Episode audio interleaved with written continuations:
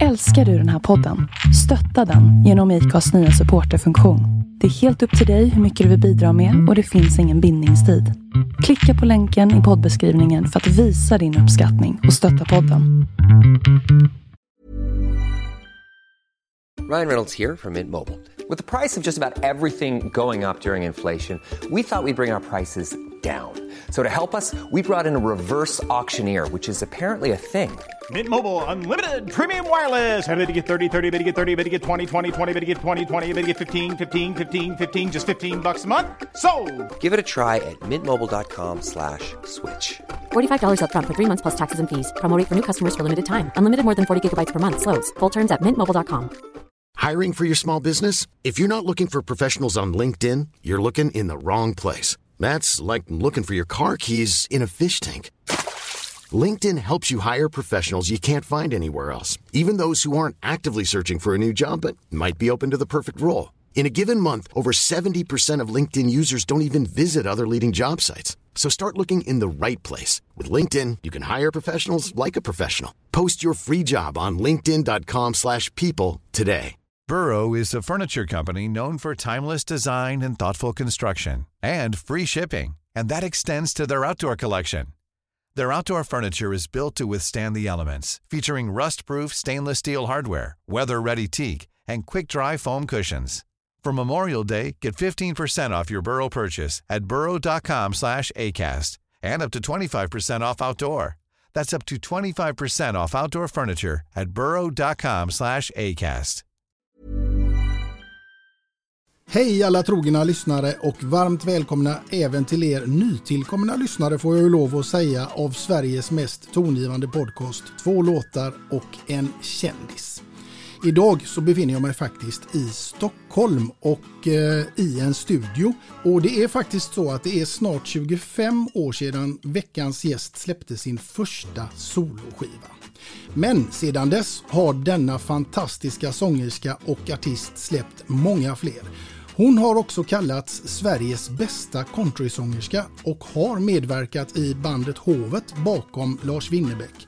Hon har också turnerat med artister som Staffan Hellstrand och Helene Sjöholm och en hel rad andra artister som Olle Ljungström, Uno Svenningsson, Patrik Isaksson, Anders Glenmark med flera för att nämna några. Och dessutom så har hon faktiskt släppt två plattor med Idde Schultz och är nu aktuell, högaktuell ska vi tillägga, med singeln Idag är en ny dag.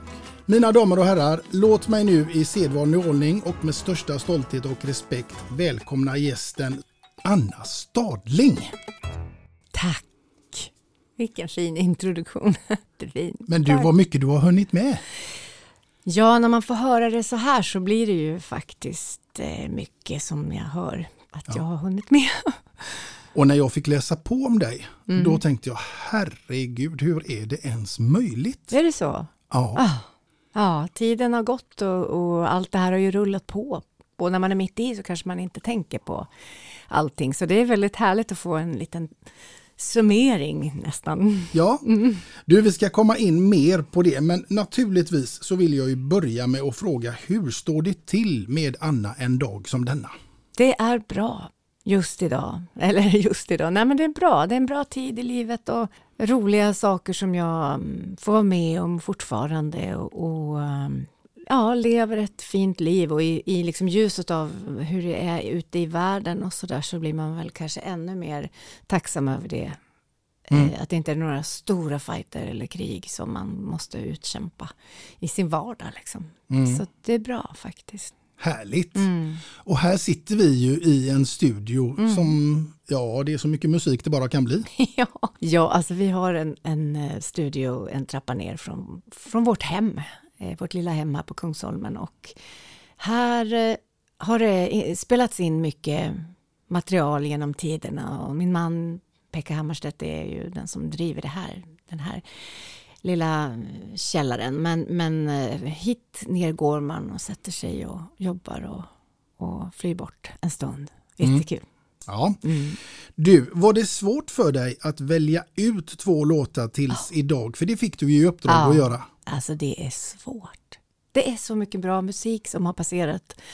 och som görs. Eh, så det är jättesvårt, men, men det kan ju också vara fint när man hittar några spår sådär som liksom har eh, betytt någonting lite extra på olika sätt.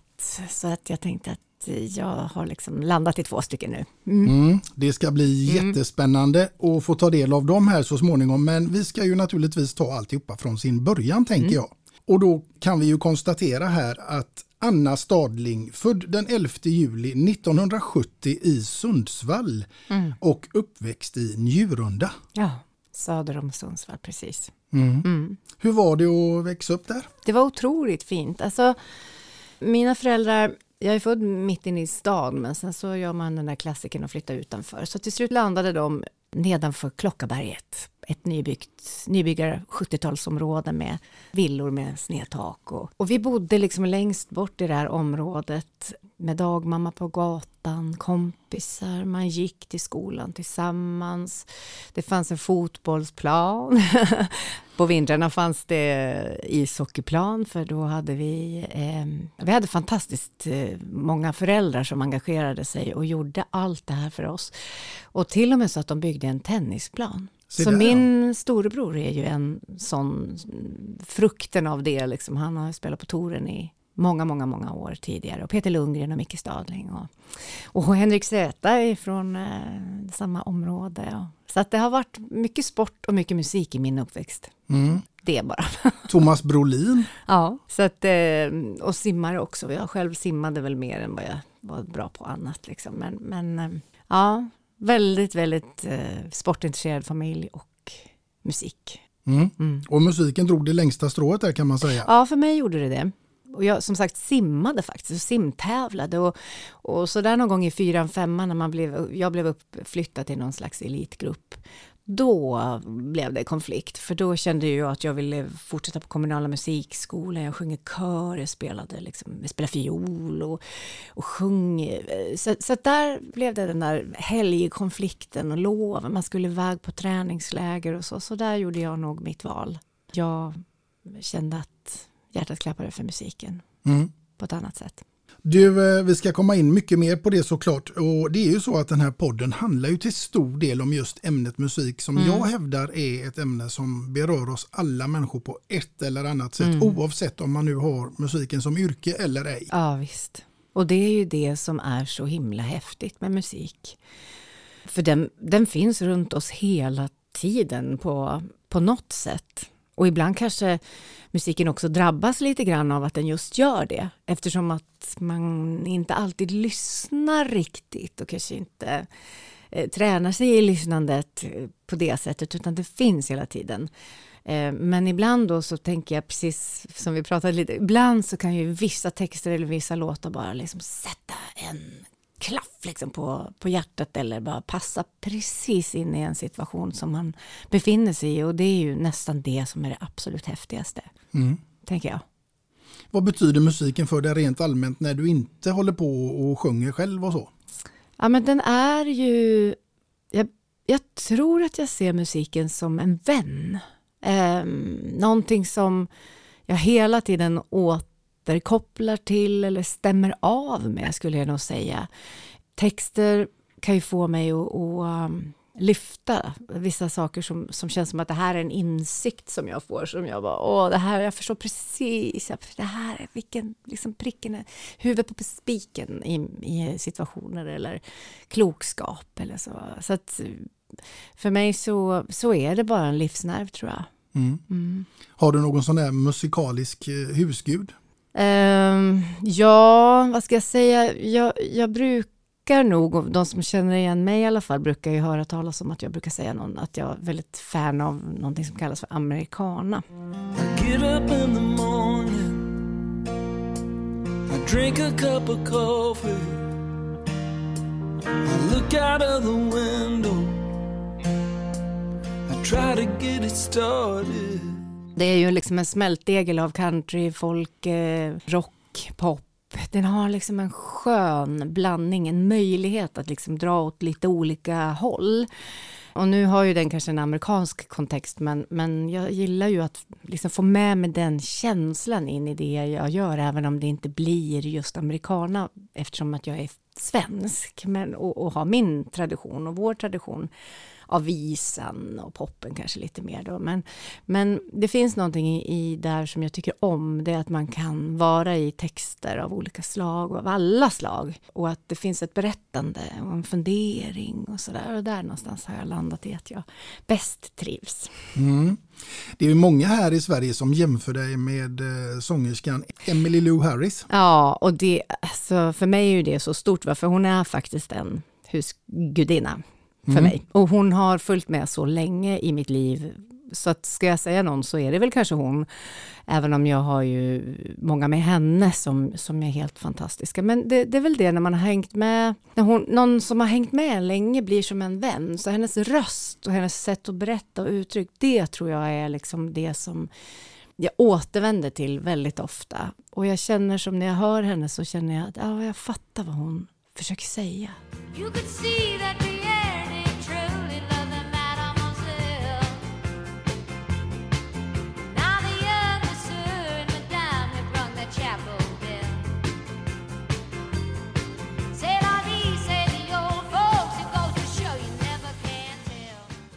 Det är en häftig känsla. Så kanske, även om inte vi, jag tycker kanske inte jag låter så lik henne, men det är kanske någonting i det där hur vi berättar. Jag mm. tänker att det måste vara något liknande så, varför jag får en sån eh, jämförelse. Och den är ju väldigt stor för mig att höra. Mm. Så det betyder ju naturligtvis jättemycket. Ja, utan att jag själv sjunger på något sätt så kan jag ju känna igen mig i det du beskriver med, eh, med vänskapen och ett budskap. Mm. I, men i, min, i mitt fall då mm. Lars Winnerbäck. Ja, det är ju fantastiskt. Han ja. är ju ljuvlig. Verkligen, mm. och han har du jobbat med och det ska vi komma in på ja. ännu senare. Men du, eh, jag tänker att ditt absolut första minne till musik som du kan mm. komma ihåg från en sån där riktigt tidig ålder, mm. vad är det? Nej, men jag får säga att jag är uppvuxen med en pappa som eh, fick första Jussi Björling-stipendiet, alltså vår stora operastjärna Jussi Björling. Så 1963 och idag är det 23, i år är det 23. Oj, det här måste man göra någon blänkare om. Alltså det är ju så häftigt. Han kom som en, en eh, kille från Sundsvall. Han brukar säga det, jag var bara en lantis och kom ner tillsammans med en man i Sundsvall som heter Kjell Lönnå som ju är en stor figur för oss eh, musikgestalt med körsång och så han hade ju massa körer i en kyrka som heter Elimkyrkan där pappa växte upp och, och där så fick han ofta vara solist. Då. Så att det, det, blev så att han, han pluggade till opera, pluggade och, och liksom, inte pluggade men han, han gick hos en operasångerska utanför stan och eh, i Sundsvall då. Och så, så anmäldes han till den här tävlingen som det var på Gröna Lund 1963. Så Kjell Lönnå kompa min pappa och han vinner den här tävlingen. Um, och fick spela in en singel. Och det här berättade han väldigt sent, för han blev sjuk och fortsatte inte den här banan. Han sjöng fortfarande när vi var, växte upp, men inte på det sättet han ville. Ska man sjunga opera så kan man inte ha en reumatisk sjukdom som liksom tränger ihop kroppen, utan man måste ju ha en stor klang och stor kraft och det fanns liksom inte som han ville ha. Jag minns liksom tillfällen när jag har suttit på en stol med benen dinglande och få, få höra honom sjunga de här stora, stora sångerna som Jussi Björling gjorde också, Sverige till ära och eh, Jag älskar dig och stora sånger liksom.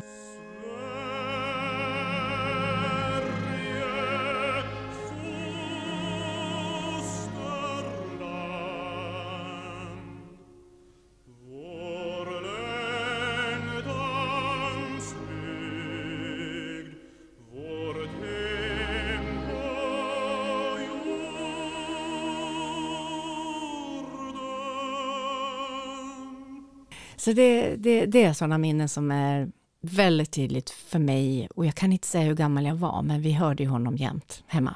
Mm. Jämt. Häftigt sjungandes. minne. Mm. Mm. Ja, han finns inte idag så för mig blir det också så där, ah pappa liksom. Ja, ja. ja men det förstår jag. Mm. Men du, eh, vad var då den första skivan, vilken var det som du köpte för egna pengar? Kan du komma ihåg ja. det? Alltså min brorsa Micke, han, han eh, var sån som började liksom köpa LP och eh, sådär på nätet och vi gick och hämtade och, och det var alltifrån Pink Floyd och det var eh, alla, liksom Dire Straits mycket och Spandau Ballet. Men jag minns själv då att jag satt och valde, så att jag, jag, jag, jag, tror faktiskt att det var Whitney Houstons debut 85. Och det är ju ganska sent, men, men du vet, det var en annan tid då. Det fanns inte den här, man, man konsumerade inte på samma sätt. Nej. Och så plötsligt så kunde man beställa liksom från kataloger. Så jag tror faktiskt att det var, var hennes eh, debutalbum, Whitney Houston. Oj. Jag tror det. Ja.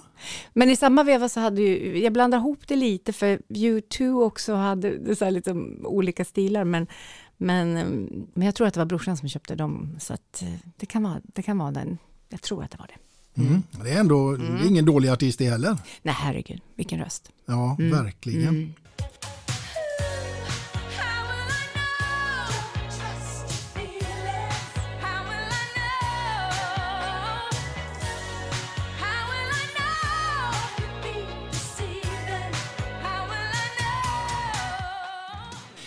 Men du, nu när vi ändå är här i din barndom så läste jag ju någonstans att du har över 40 års vänskap med Helen Sjöholm. Ja, precis. Ni måste ju ha träffats väldigt tidigt. Vi träffades, eh, för som sagt jag är ju uppvuxen i Njurunda utanför och sen så hade vi så otroligt mycket musik och sport och aktiviteter så mina föräldrar de valde att flytta in till stan, till Sjönsmon som är kanske 10 minuter max från Sundsvall city då. Så där hamnade vi och eh, på den skolan där jag började då i sexan, där gick Helen. Så hon gick i min parallellklass. Och det var nog då det började och vi gjorde ju shower och vi gjorde sådär som man gör liksom fredagsshower och, och sen så började vi i högstadiet en bit bort och jag bodde lite längre bort än Helen, men sen började vi liksom promenera tillsammans. och all den här musiken och också faktiskt en flickkör som jag började i och där hon också sjöng, gjorde att vi liksom hittade varann i, i musiken och i den här eh, alla drömmar och texter och så. Och, och det här fortgick och så fick vi ett uppdrag av Sundsvalls kommun att åka till Björneborg i Finland och var, som var vår vänort. Så där gjorde vi nog det första jobbet och jag kan inte exakt komma ihåg när det var men, men i, i tonårstiden där så, och på den vägen blev det, så vi tyckte så himla mycket om att jobba tillsammans. Så vi började ju göra konserter, sommar och jul och, och skapade en duo som vi kallade, vi skulle heta Meja, men då slog ju hon igenom. så då fick vi, ja, jag vet inte, vi började, ah, ja, vi kan heta Meira, men krydda i tillvaron.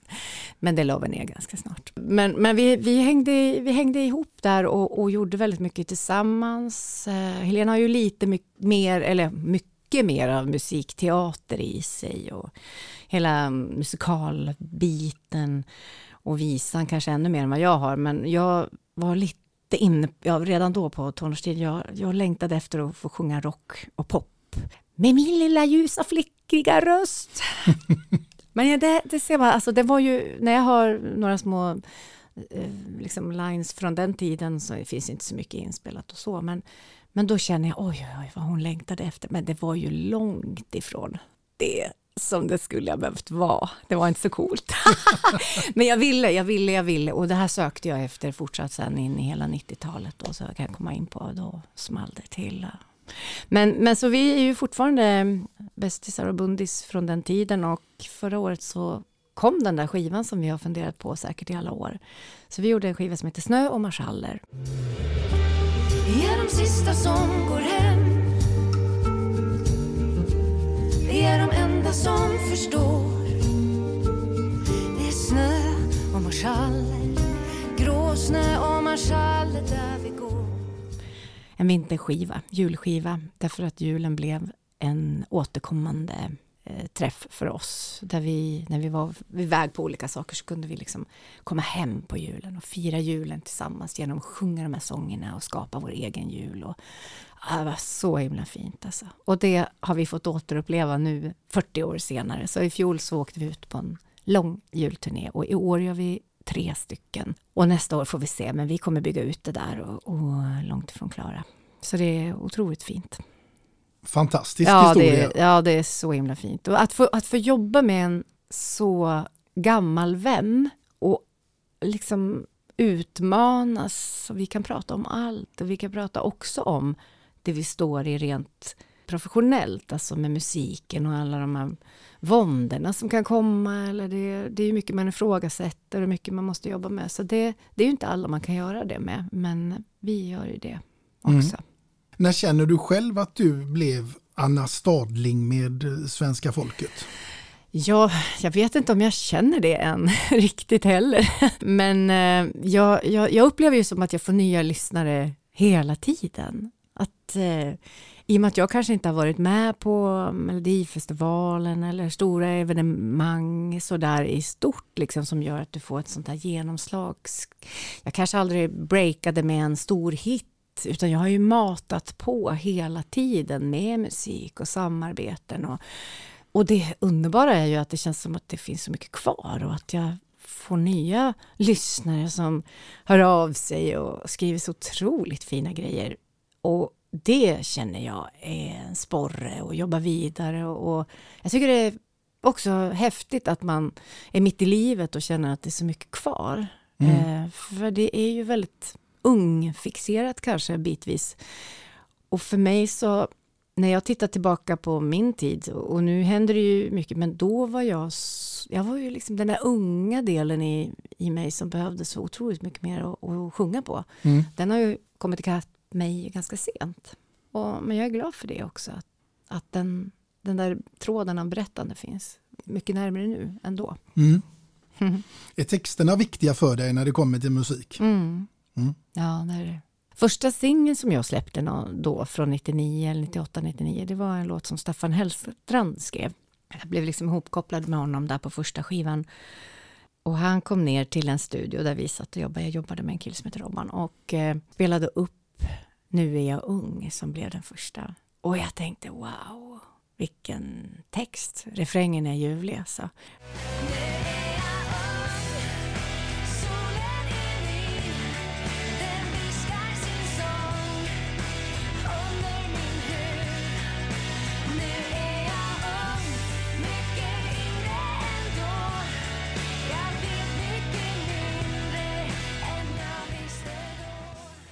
Och han berättade att han gick ju därifrån, för jag satt, jag har liksom ett lyssnande som kanske ser lite skeptisk ut och pannan är väck och man försöker ta in och jag måste alltid ta in och sondera lite grann och känna in vad är det här, vad säger det här mig? Så han trodde aldrig att jag skulle göra det, men jag tänkte, och den, den refrängen är otroligt fin. Nu är jag ung, solen är ny, den, den viskar sin sång under min hud.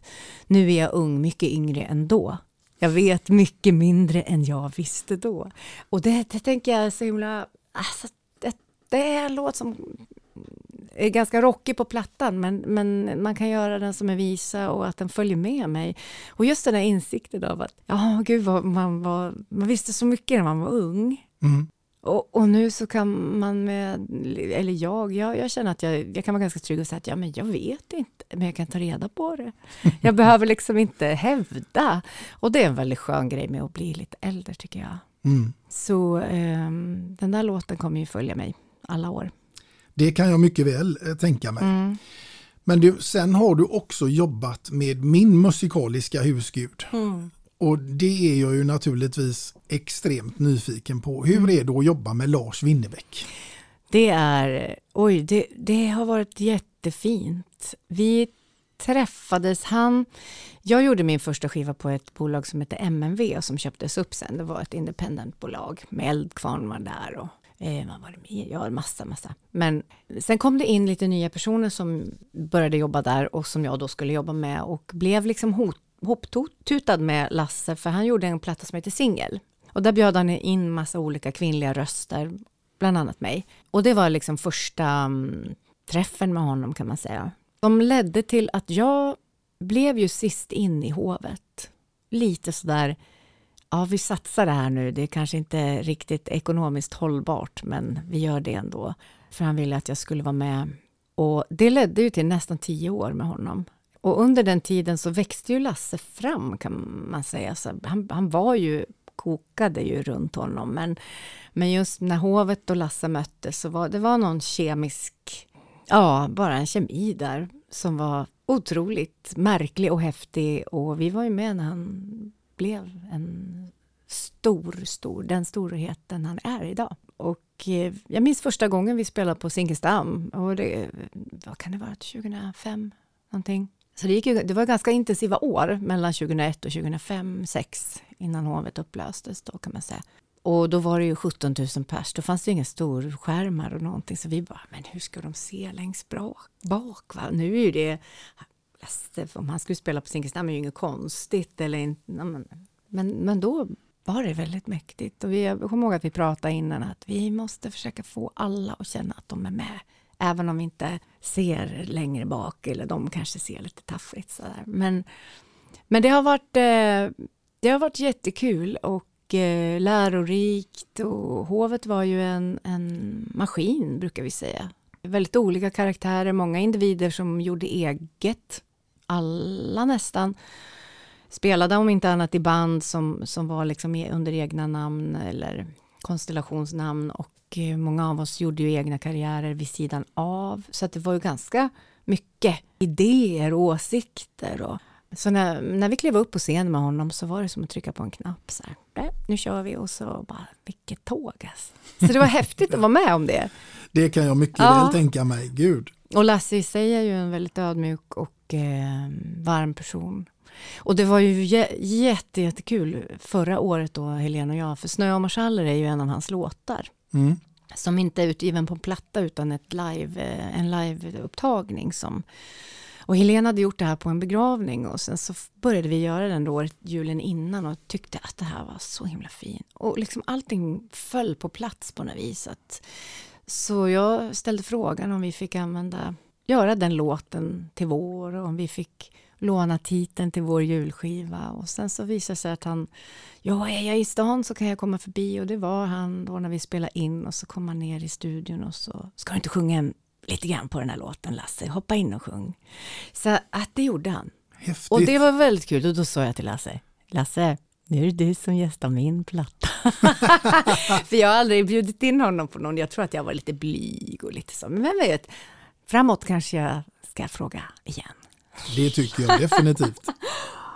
Du, jag läste också någonstans att du hade fått en text eh, utav en bekant i din hand som Johnny Cash, utav Johnny Cash som han hade skrivit mm. men som aldrig kom ut. Det här är ju så himla häftigt för det ledde faktiskt till en platta som heter Stadling Cash där jag och Pekka då, min man och Andreas, en basist, vi tolkade Johnny Cash material Ja, en lång story hur det blev faktiskt en hel platta, för det hade jag nog aldrig trott när jag var 21 jag skulle göra sent. Men jag blev introducerad till en man som heter Lasse Lindfors. Och han, han har skrivit en bok som heter Hello Sweden, I'm Johnny Cash. Tillsammans med en annan person. Och där de beskriver egentligen en musikjournalist, alltså han hade smugit in i, i de här sammanhangen när eh, Johnny Cash från 71 tror jag och till hans död. Då besökte Sverige tillsammans med June Carter och Carter Family och sitt band. Eh, så det finns liksom en bok om allt det här och i den boken då så, som jag fick i min hand så hade Lasse fått en handskriven text från Johnny Cash som aldrig var tonsatt. Och Lasse han, han blev Johnny Cash vän så att hela hans hem, fortfarande han har ett gäng, alltså han har ju, det var som att komma in i ett museum nästan. Så att hans alla hans minnen och, och, saker som han har fått då blev som en utställning och på den där utställningen så tänkte jag att, ja men, och jag satt här vid den här tramporgeln som du ser, en sån här gammal predikantorgel som man, handtag som förr i tiden man lyfte upp på liksom ett ja, släp och det, var, det är inte Nordstage här nu liksom, nu pratar vi gammal tramporgel. som man flyttar med sig liksom. Jag satt här nere faktiskt och började trampa på den där och så trillade det fram en melodi till den här texten. When the little hand reaches eight I sit and wait and make believe that you're still coming but you'll be just a little bit late At nine o'clock I walk the floor jättefin tycker jag själv. Men vi vågade aldrig ge ut den på skivan därför att vi fick inte tag på uh, Junior Cash och du vet man vill inte bli stämd över att man gör något knas. Va? Så att den där låten, ja egentligen så borde man liksom lyfta fram den för den är så, och den är så himla less, sorgsen, en riktig vemod. Eh, som jag gillar också. Men, men den, är, den handlar ju om hur han är oh, så ensam i, i en svår stund liksom och vänta, vänta, vänta på att någon ska komma hem. Mm. Men det ledde liksom till den här skivan som vi sen, den är faktiskt tio år sedan den kom, 2013. Mm. Och sen var vi ute och, och spelade på trio, men sen också med körer. Så senast det här året, så i, höst, i våras, var vi i Härnösand och i, för någon vecka sedan så var vi i Karlstad tillsammans med kör. Och eh, alltså det här materialet är så himla kul. Mm. Det är så fina låtar. Det finns så mycket i de här låtarna. För jag, det jag har lärt känna Johnny Cash som är ju att han var en väldigt engagerad person och verkligen ville lyfta liksom kärleken, hoppet och tron liksom i alla människor på något sätt. Och han nådde ju ut till musikaliskt till alla. Det Ja, det spelar lov att ingen roll. Ja, eller hur? Så att, och särskilt med de här American, ja, amerikanska plattorna som kom senare i hans liv. Och då hade han haft ett 80-tal som inte var så himla hett. Nej. Så att han också är ju, tillhör ju, det är också fascinerande att, för det är inte så ofta det är så nu, att man kan se en artist så upp och nergångar liksom på det sättet. För vi, för vi har inte, man får inte vara med så länge om man inte lyckas på en gång. Det är ju det som är tidens Ja. tand liksom. Ja, exakt. Så då blir de här mänskliga Mm. i sin st- storhet, vilket ju är otroligt intressant och häftigt. Mm. Ja, jag gillar Johnny Cash, eh, Ja. absolut. Han är där på väggen Ja, jag såg det två förut. hundar. Ja. Mm. Jag gillar dock hans äldre låtar där, alltså Mm. Man in Black och de här. Liksom. Det, Mm. ja. Ja, Fantastiskt. det är fantastiskt. Men du, när vi är inne på vemod så tänker jag att det är någonting som på något sätt är lite Anna Stadling. Mm. Ja, många brukar säga det och jag hoppas ju inte att, alltså jag har ju, jag tror att jag, eh, alltså det finns ju otroligt mycket livslust i mig. Mm. Ehm, Jag har varit igenom ganska mycket olika saker som inte har varit så jätteroligt och Nej, det måste jag bara få säga. ja, Ditt multikaos i livet Mm. när du drabbas av bröstcancer mm, samtidigt som din man drabbas av prostatacancer mm, och som grädde på det berömda moset så har du, ni även en son Mm. som då går under en utredning av ehm, NPF heter det va? mm. Mm. precis. Och ett totalrenoveringskaos. Alltså hur, hur, hur Jag- överlever man det? Nej, jag vet inte. Det där är ju, det är klart det har tagit på oss på många sätt och som vi, det poppar fram ibland av trötthet eller sådär. Man, men, och, och du vet, jag brukar visa mig någon gång, Facebook kan komma upp med sådana här, ja det här är tio år sedan eller det här är liksom. Och någon gång så, så kom man in och bara, såg du hur det såg ut i november? Du vet, det ligger brädor, du gick genom vår lägenhet nu. Eh, det är liksom, det är byggverkstad och, och eh, sista rummet som, där vi flyttade köket och gjorde två små rum där. Det, det var ju ett rum som när vi opererades 2016, vi opererades inom två veckor så hade vi bara två gjort allvarliga operationer. Och så då var det ju bara att stanna av. Så det pågick ju ett år av stanna av. Och ibland så brukar jag säga så här, man brukar ju dra, driva lite grann med ljus, vitt och fräscht eller ljust och fräscht. Och så här. För, men för oss var det så här, vi, när en trummis som jobbar som målare, Peter Bergqvist, han, han blev lite hård med oss. Nu, nu, nu, gör ni, nu måste ni göra färdigt här, nu får ni inte börja någon annanstans. Men så åkte vi iväg och så gjorde han eh, väggarna hela, alltså, för det var liksom sår i, så han putsade och gjorde så. När vi, när vi kom hem och det bara var vita, släta väggar och jag bara grät, för det var så, eh, en sån liten grej som, som var så, det var också lite symboliskt tror jag, att, att liksom nu, nu läker vi, liksom, vi försöker läka livet, oss själva, men också vår tillvaro på något sätt. Och det är ju en lång, lång process. Jag har ju fått eh, varit, eh, jag blev tillfrågad att vara eh, ambassadör för Bröstcancerförbundet och det har ju också varit en, en läkande del i ett arbete för mig. Att träffa andra och känna hur de, ja, jag har fått träffat så mycket krigare Alltså många kvinnliga krigare nu då eftersom att det är, men också män som drabbas av bröstcancer.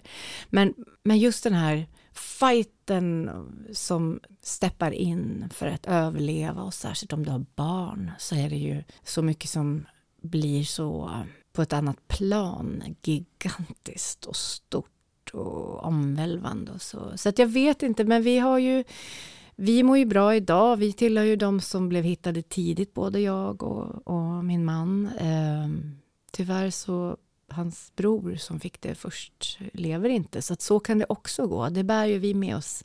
Tacksamheten för att vi fick fortsätta, men också sorgen över att en familjemedlem faktiskt inte fick det. Så det är väldigt nära för oss. Mm.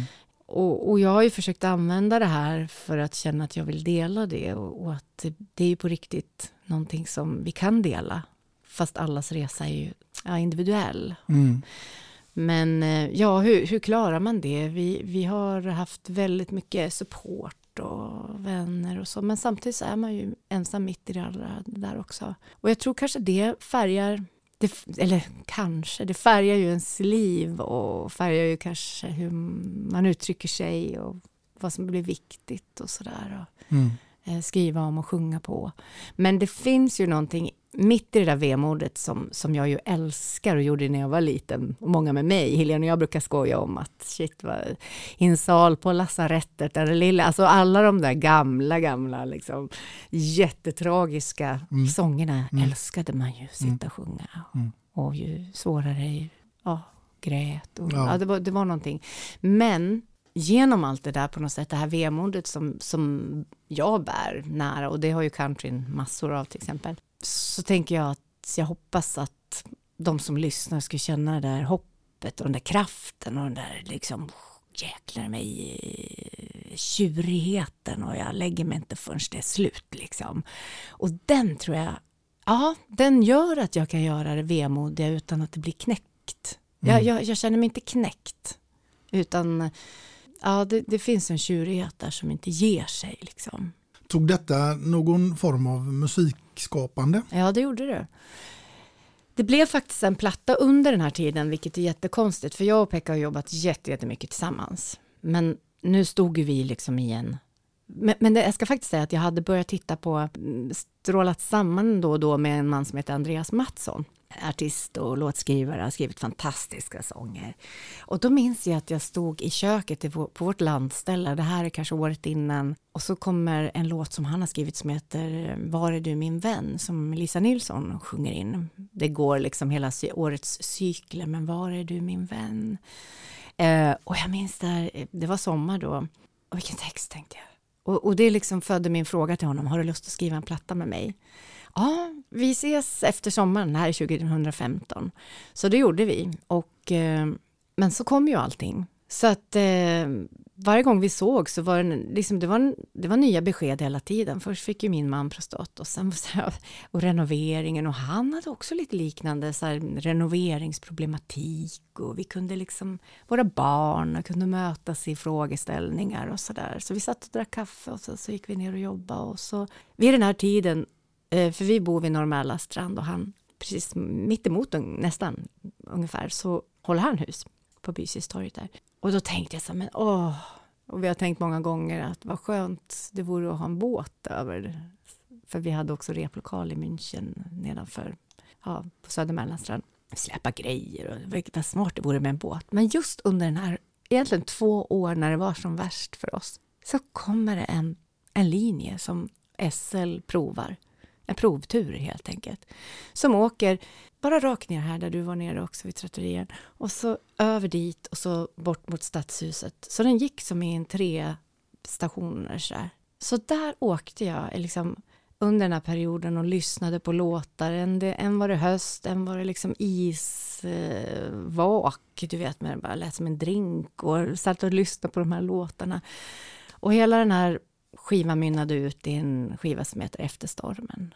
Så där finns det ju jättemycket texter som kretsar kring livet och det fina är ju att det handlar ju naturligtvis mycket om vår svårighet men det är liksom oavsett nivå på våra problem så tänker jag att vi kan sätta in, och det är det vi började prata om, mm. att musik har en möjlighet att, att liksom ta sig in i vilken situation vi än lever i. verkligen. Och nu ska vi ta oss in i ditt första låtval för dagen som Oh. jag är extremt nyfiken på vad det skulle kunna vara Ja. och med vem och givetvis inte minst varför. Mm.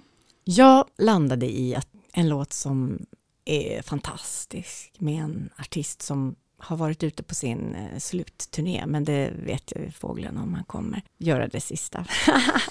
det är Elton John.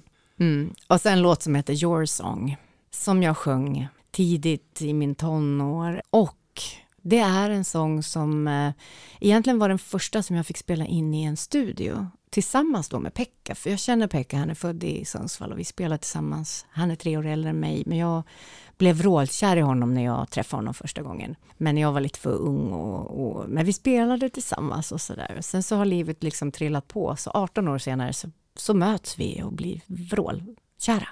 Och sen dess är det vi, från 2002. Men i alla fall så, så det är lite så här Harry mötte Sally om du vet den filmen. Men då var det faktiskt han som spelade in mig i den här. Nu finns inte den kvar, för vi spelar ju in det här på rullbandare eller liksom kassetter och, och de här är ju någonstans så säkert uppbrända eller i någon låda, jag vet inte. Men den låten är helt underbar. How wonderful life is mm. while you're in this world.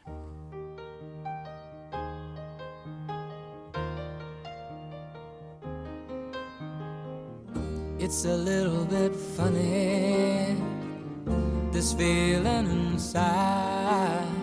I'm not one of those who can easily hide. Don't have much money, but boy, if I did, I'd buy a big house where we both could live. If I was a sculptor,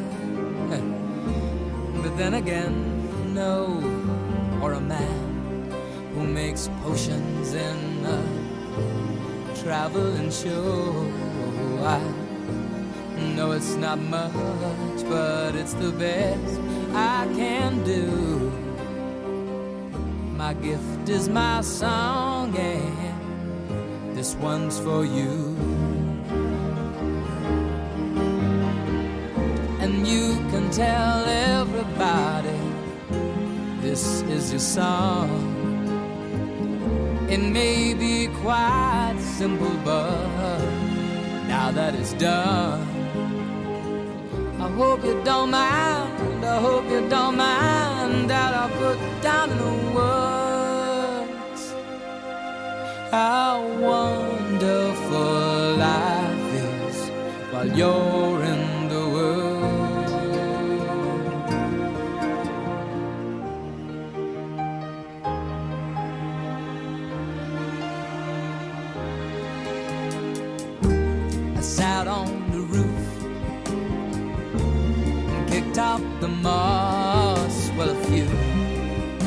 of the verses, well, they've got me quite cross. But the sun's been quite kind while I wrote this song. It's for people like you that keep it turned on. So excuse me for getting, but these things I do. See, I've forgotten if they're green or they're blue. Anyway, the thing is, what I really mean. Yours are the sweetest eyes I've ever seen. And you can tell everybody this is your song. It may be quite simple, but now that it's done, I hope you don't mind. I hope you don't mind that I put down in the words how wonderful life is while you're in the world. I hope you don't mind.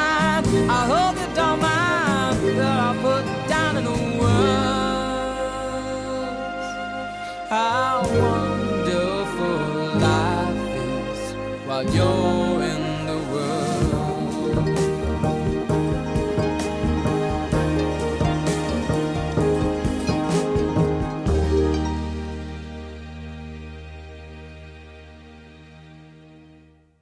Ni hörde Elton John med Your Song. Jag minns när jag stod där i, i studion och sjöng just den där lilla strofen bland annat som då jag läste precis innan den började. How wonderful life is. Och jag tänker att ja, den där, det är fint att ta med sig det in i sin vardag och faktiskt tänka på det att jag tror alla vi har någon som vi kan känna precis det med. Jag hoppas det. Det är någonstans så där, jag hoppas verkligen alla har det. Och så i samma stund så vet jag att det kan vara svårt. Men eh, det är i alla fall ett hopp att alla skulle få uppleva det. I'm Sandra, and I'm just the professional your small business was looking for. But you didn't hire me because you didn't use LinkedIn jobs. LinkedIn has professionals you can't find anywhere else, including those who aren't actively looking for a new job but might be open to the perfect role, like me. In a given month, over 70% of LinkedIn users don't visit other leading job sites. So if you're not looking on LinkedIn, you'll miss out on great candidates like Sandra. Start hiring professionals like a professional. Post your free job on linkedin.com/people today. Burrow is a furniture company known for timeless design and thoughtful construction and free shipping, and that extends to their outdoor collection. Their outdoor furniture is built to withstand the elements, featuring rust-proof stainless steel hardware, weather-ready teak, and quick-dry foam cushions. For Memorial Day, get 15% off your Burrow purchase at burrow.com slash ACAST and up to 25% off outdoor. That's up to 25% off outdoor furniture at burrow.com slash ACAST. Everyone knows therapy is great for solving problems, but getting therapy has its own problems too, like finding the right therapist, fitting into their schedule, and of course, the cost. Well, BetterHelp can solve those problems. It's totally online and built around your schedule. It's surprisingly affordable too. Connect with a credentialed therapist by phone, video, or online chat, all from the comfort of your home. Visit betterhelp.com to learn more and save 10% on your first month. That's BetterHelp, H E L P. Millions of people have lost weight with personalized plans from Noom, like Evan, who can't stand salads and still lost 50 pounds. Salads, generally, for most people, are the easy button, right? For me, that wasn't an option. I never really was a salad guy. That's just not who I am. But Noom worked for me. Get your personalized plan today at Noom.com. Real Noom user compensated to provide their story. In four weeks, the typical Noom user can expect to lose one to two pounds per week. Individual results may vary. Since 2013, Bombas has donated over 100 million socks, underwear, and t shirts to those facing homelessness. If we counted those on air, this ad would last over 1,157 days. But if we counted the time it takes to make a donation possible, it would take just a few clicks. Because every time you make a purchase, Bombas donates an item to someone who needs it. Go to bombas.com slash ACAST and use code ACAST for 20% off your first purchase. That's bombas.com slash ACAST, code ACAST. Verkligen. Då tänker jag att vi ska gå vidare i, i musikens tecken och på tal om det här om att ta med så tänker jag att nu undrar jag vad du skulle ta med för platta till en öde ö där du ska få vara i ett helt år. Mhm. Oj, oj, oj. För platta får man ju lov att säga i våran ålder. Ja, det får man göra. Precis, jag ska faktiskt släppa en platta jag med nu, nu så det är ju inte så ovant i min värld. Men en sån platta, oj, oj, oj, oj, oj, oj, oj. Ja, men ska jag, ska jag välja en platta? Svårt alltså, men det finns... Jag hoppar ju liksom tillbaka till mitt 90-tal som jag brukar säga. Det hände så mycket på 90-talet som var faktiskt revolutionerande för mig som eh, kvinnlig artist och, och sångerska och mm, början att skriva låtar och sådär. Så jag, jag kanske skulle välja Wrecking Ball med Emmylou Harris och med en producent som heter Daniel Lanois som producerade U2 väldigt många i, år i början. En, en platta som med just Emmylou Harris som man ser på som countryartist, men hon har alltid sagt att hon är större än det. Alltså hon har många mer eh, strängar på sin lyra, men, men eh, den var väldigt speciell när den kom med sina klanger och hans produktion. Och, speciell för mig, så jag kanske får välja den, för det är så himla svårt. Men, Ja. det, ja. Men, men då skulle du klara dig på en öde. ja, jag tror det. Det Ja. ska funka.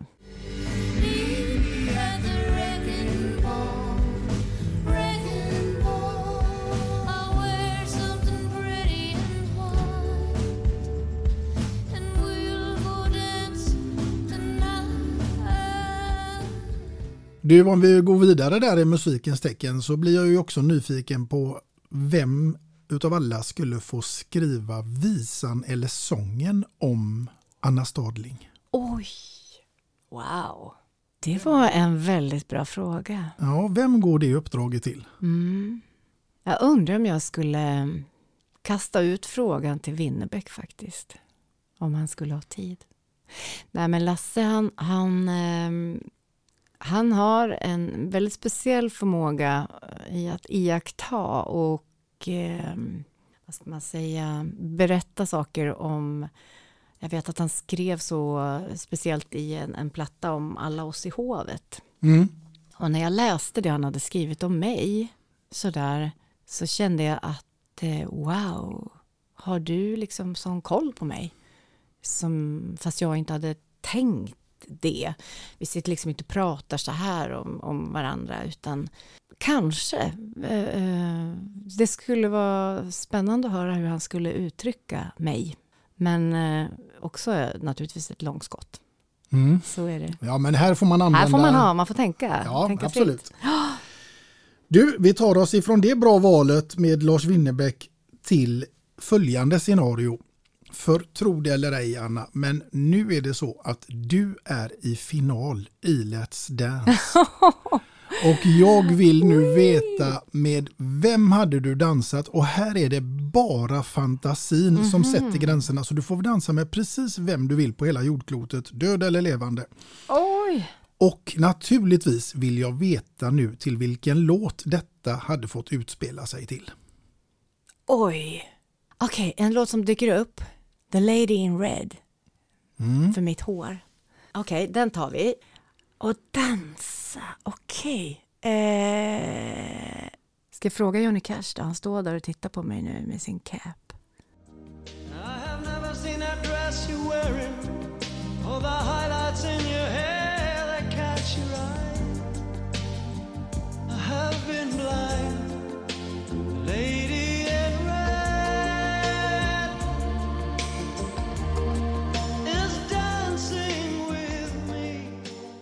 Dansa en eh, finaldans.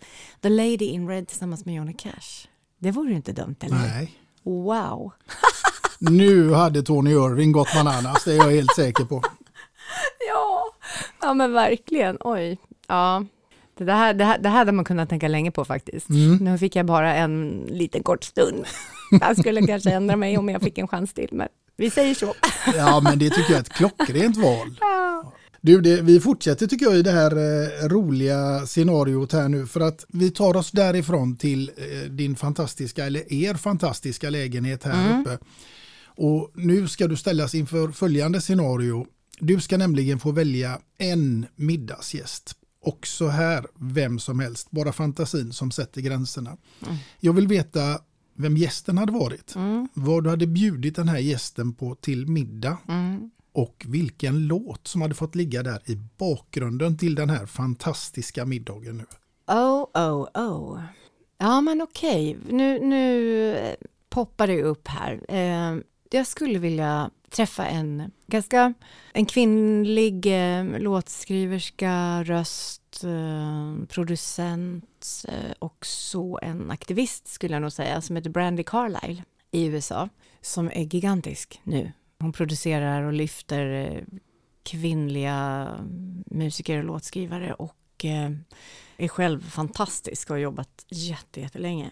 Men jag skulle liksom, jag tror att jag skulle tycka, få höra hennes berättelse. Hon har skrivit en biografi som inte jag hunnit läsa och det skulle ju kanske vara, få sitta ner och höra hennes väg. För hon är också homosex, ja, lesbisk och lever med en kvinna och hur, hur i countryns värld har det vuxit fram där och, och stött på det ena med det andra. Men eh, jag tänker på det här hur man lever i ett sammanhang som eh, där, där det kanske inte anses rätt och riktigt eller att slå sig fram och bli så stor. Va?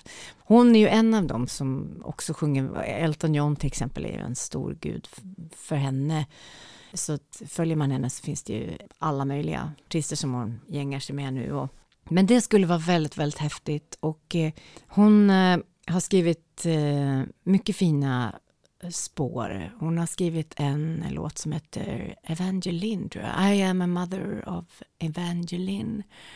Skulle nog få rulla på, även om hon skulle kanske tycka det var jobbigt att det var hennes låt. Men, men, men där någonstans skulle det vara jätteintressant att sitta och snacka med henne och inspireras av henne och fråga massa saker som jag är nyfiken på. Mm. Och vad hade du bjudit henne på till middag? Jo, men då, då bjuder jag på någonting som jag tycker är väldigt gott själv. Nu ska vi se, är det biff Rydberg? Det är bara det. Så. Jo, potatis, eh, oxfilé, lök, äggula och, och eh, inte minst eh, pepparrot på menyn. Det låter väldigt gott. Det är fruktansvärt gott. Mm. Är det din paradrätt? Ja, men det är en sån här rätt som jag eh, kan önska mig när jag fyller år. Eller, eh, ja, jag tycker det är väldigt, väldigt bra, väldigt gott. Mm. Det låter väldigt gott, det måste jag säga. Ja, Nästan jag blir lite hungrig ja nu. eller mm.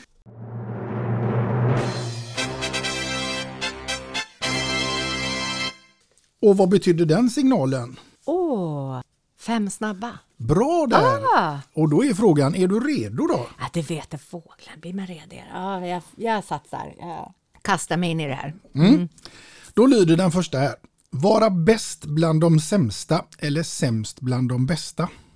Alltså, jag tror nog eh, sämst bland de bästa. Jag tror att dels så får jag ju vara med om väldigt mycket då eh, som jag inte själv kan och så kan jag ju få en chans att lära mig. Låter klokt Mm. tycker jag.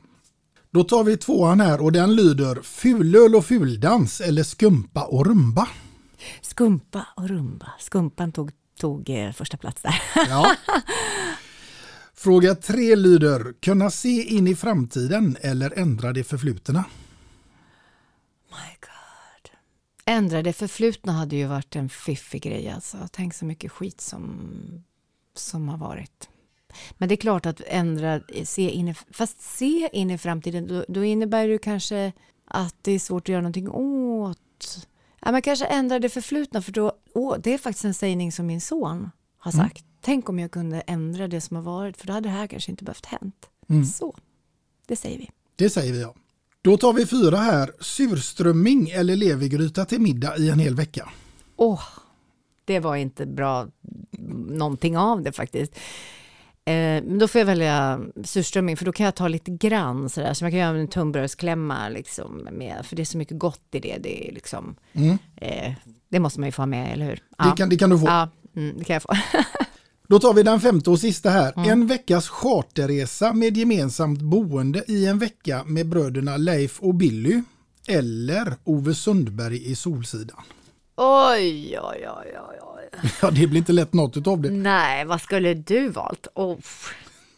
Jag tror jag hade valt Leif och Billy. Ja, jag faktiskt. gör det också faktiskt, för Ove är ju en uh, riktigt jobbig prick.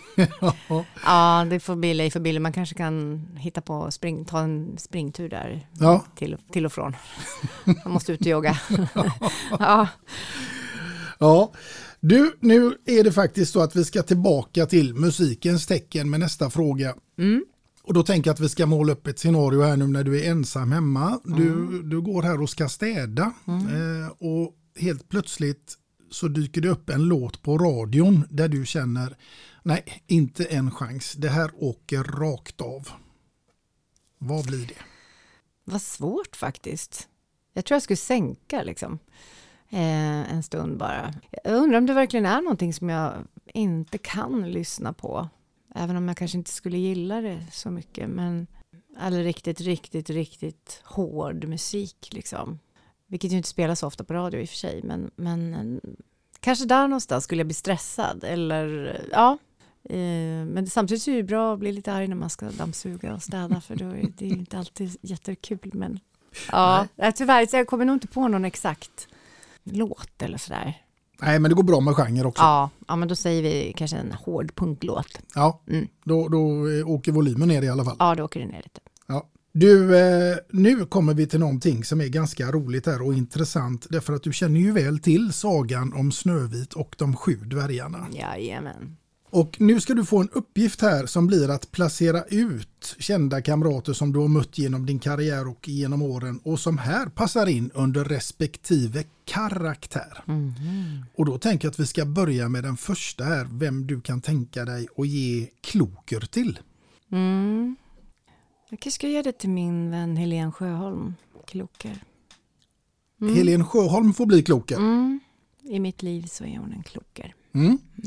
Då tar vi oss ifrån kloker till dess raka motsats och då hamnar vi ju hos toker.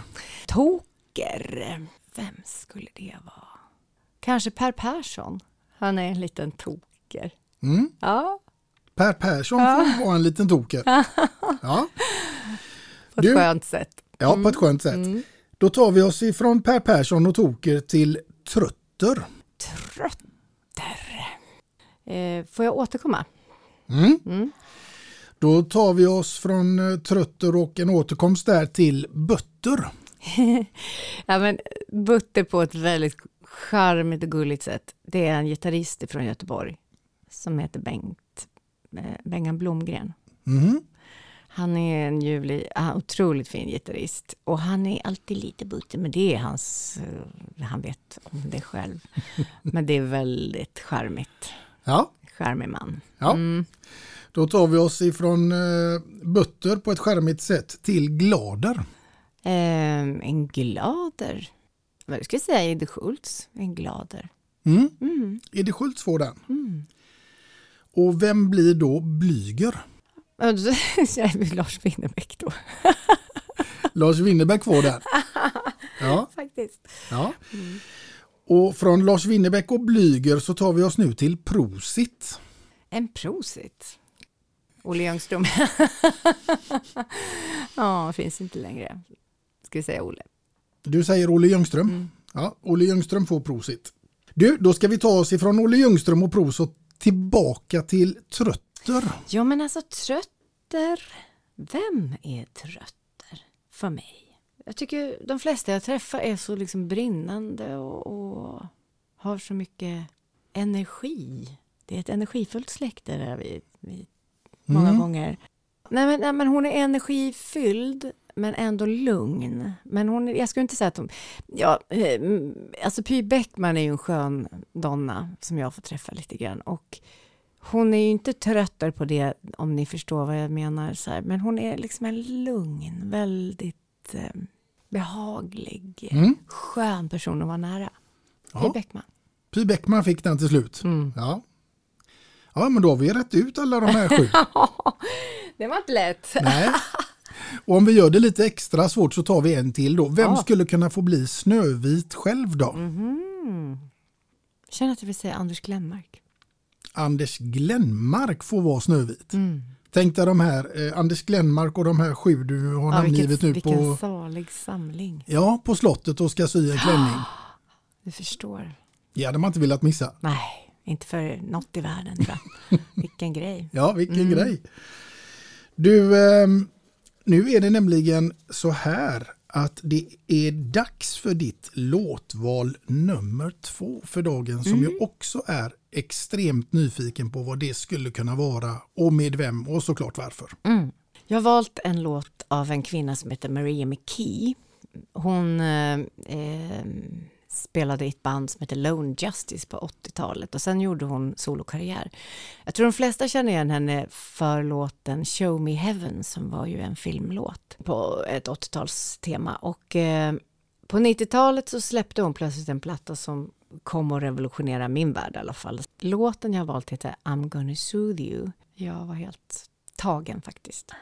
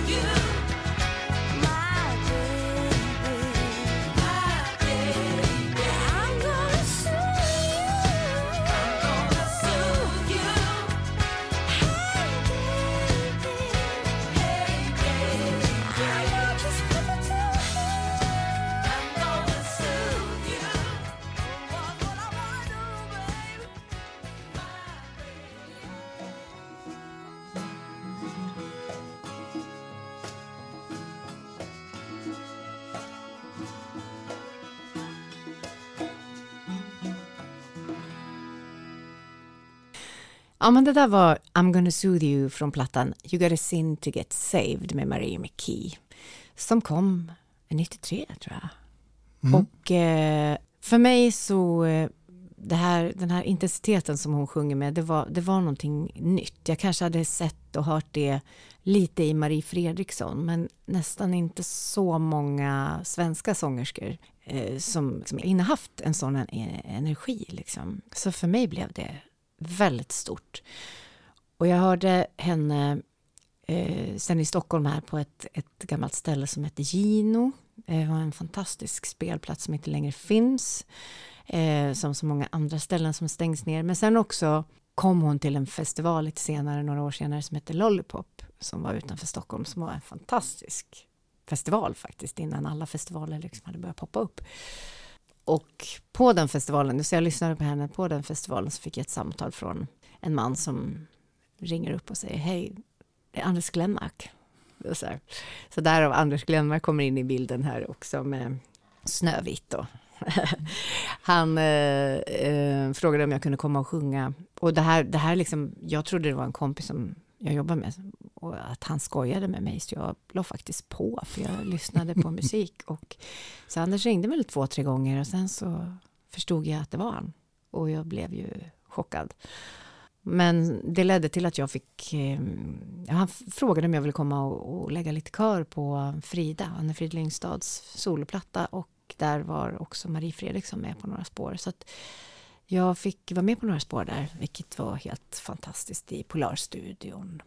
En klassisk studio. Mm. Där faktiskt min första skiva mastrades av Åsa, en tjej mm. som jobbar där. Så det, jag hade fått vara där lite grann innan, men, men nu var det en inspelning också. Mm. Så häftigt. Ja, verkligen. Ja, lite häftiga trådar sådär som ja. vävs. ja, det får man lov att säga. Ja. Du, eh, om du hade varit i min roll och haft den här podden, mm. vem hade varit din favoritgäst då? Tänk om jag fick prata med Bruce Springsteen. Bruce Springsteen? Ah. Ja, han hade man inte backat för Eller hur, va? Ja, vilken grej. Ja, vad häftigt. Och hans fru, Patty, mm. båda två. Båda två? Ah. Ja. För de, det är så mycket där. Ibland så, ja, jag tror hon är jätteviktig för honom. Ja, ja så är det säkert. Mm. Undrar vad han hade valt för låtar? Det hade nog blivit en och annan Woody Guthrie och lite sånt tror jag. Säkert. Mm.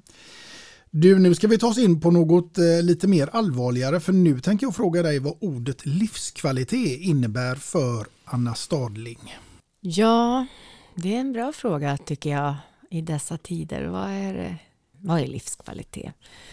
För mig handlar det om livskvalitet är på något ganska enkelt tror jag att få leva ett liv i öppenhet tror jag gentemot sig själv men också andra och de man lever med. Att vara, att få vara den man är. Ehm, utan spel och utan masker och någon slags leva i någon sån här ouppnåelig, att man liksom bygger upp ett, ett luftslott kring livet och sig själv och med allt vad det innebär. Det kanske innebär att man lever över sina tillgångar eller man är inte ärlig eller kastar skit på andra leva ganska sant om man nu kan det då, men utifrån det man tycker är sant. Mm. Eh, men öppenhet och ärlighet tänker jag är viktigt och gärna, gärna god mat, gott att dricka och vän, väns, vänner som, som kan berika ens liv och som man förhoppningsvis kan tillföra själv också någonting. Mm. Så tänker jag.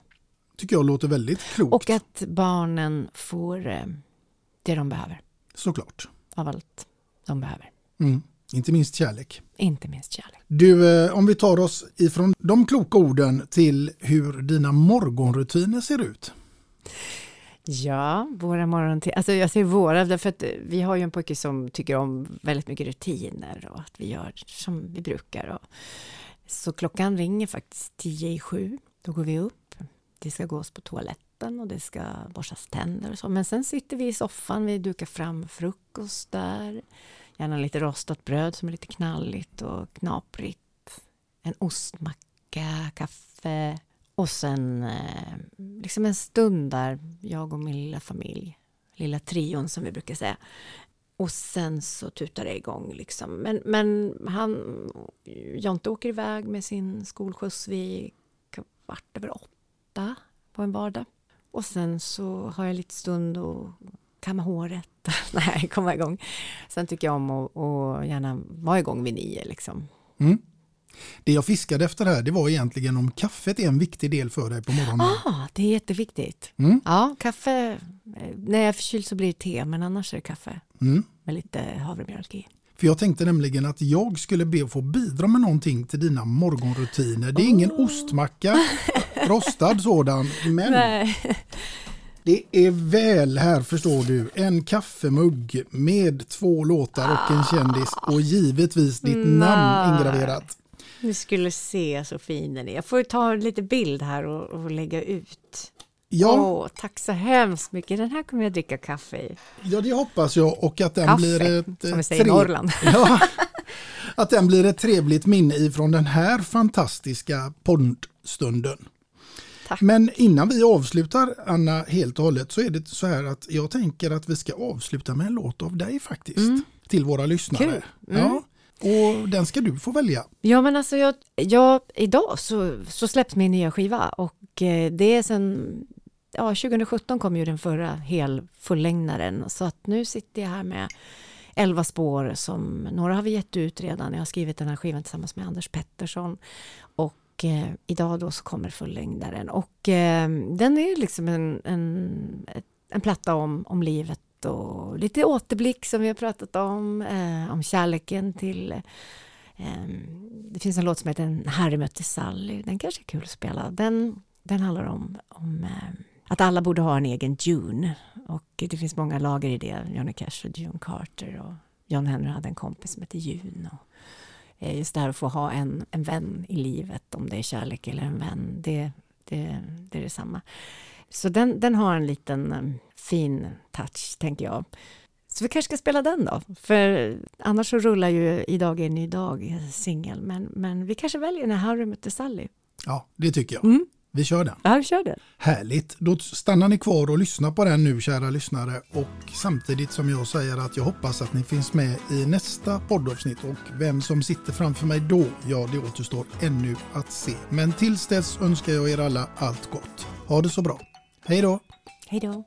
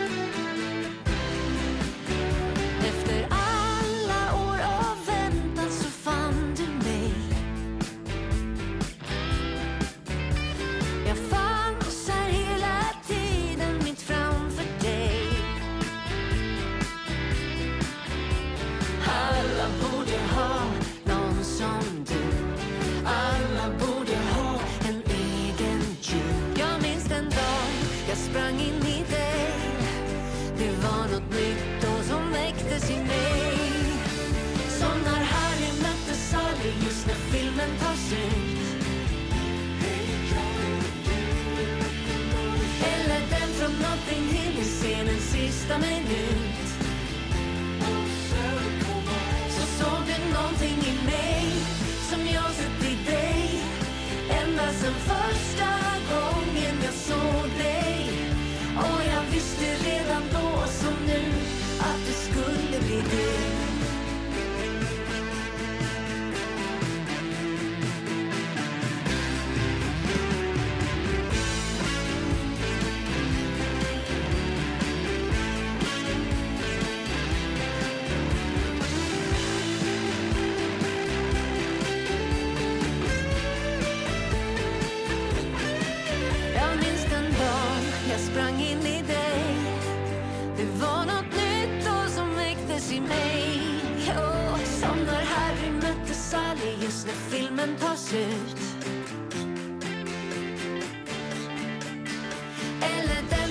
Spring hill i scenens sista minut.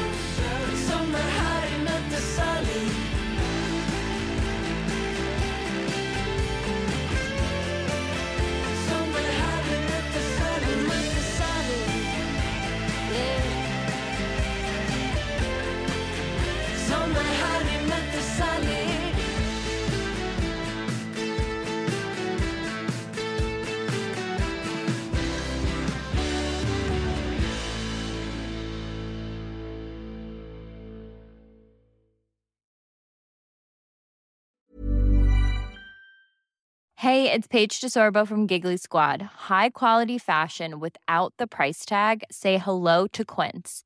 I'm snagging high-end essentials like cozy cashmere sweaters, sleek leather jackets, fine jewelry, and so much more. With Quince being 50 to 80% less than similar brands. And they partner with factories that prioritize safe, ethical, and responsible manufacturing. I love that. Luxury quality within reach. Go to quince.com slash style to get free shipping and 365 day returns on your next order.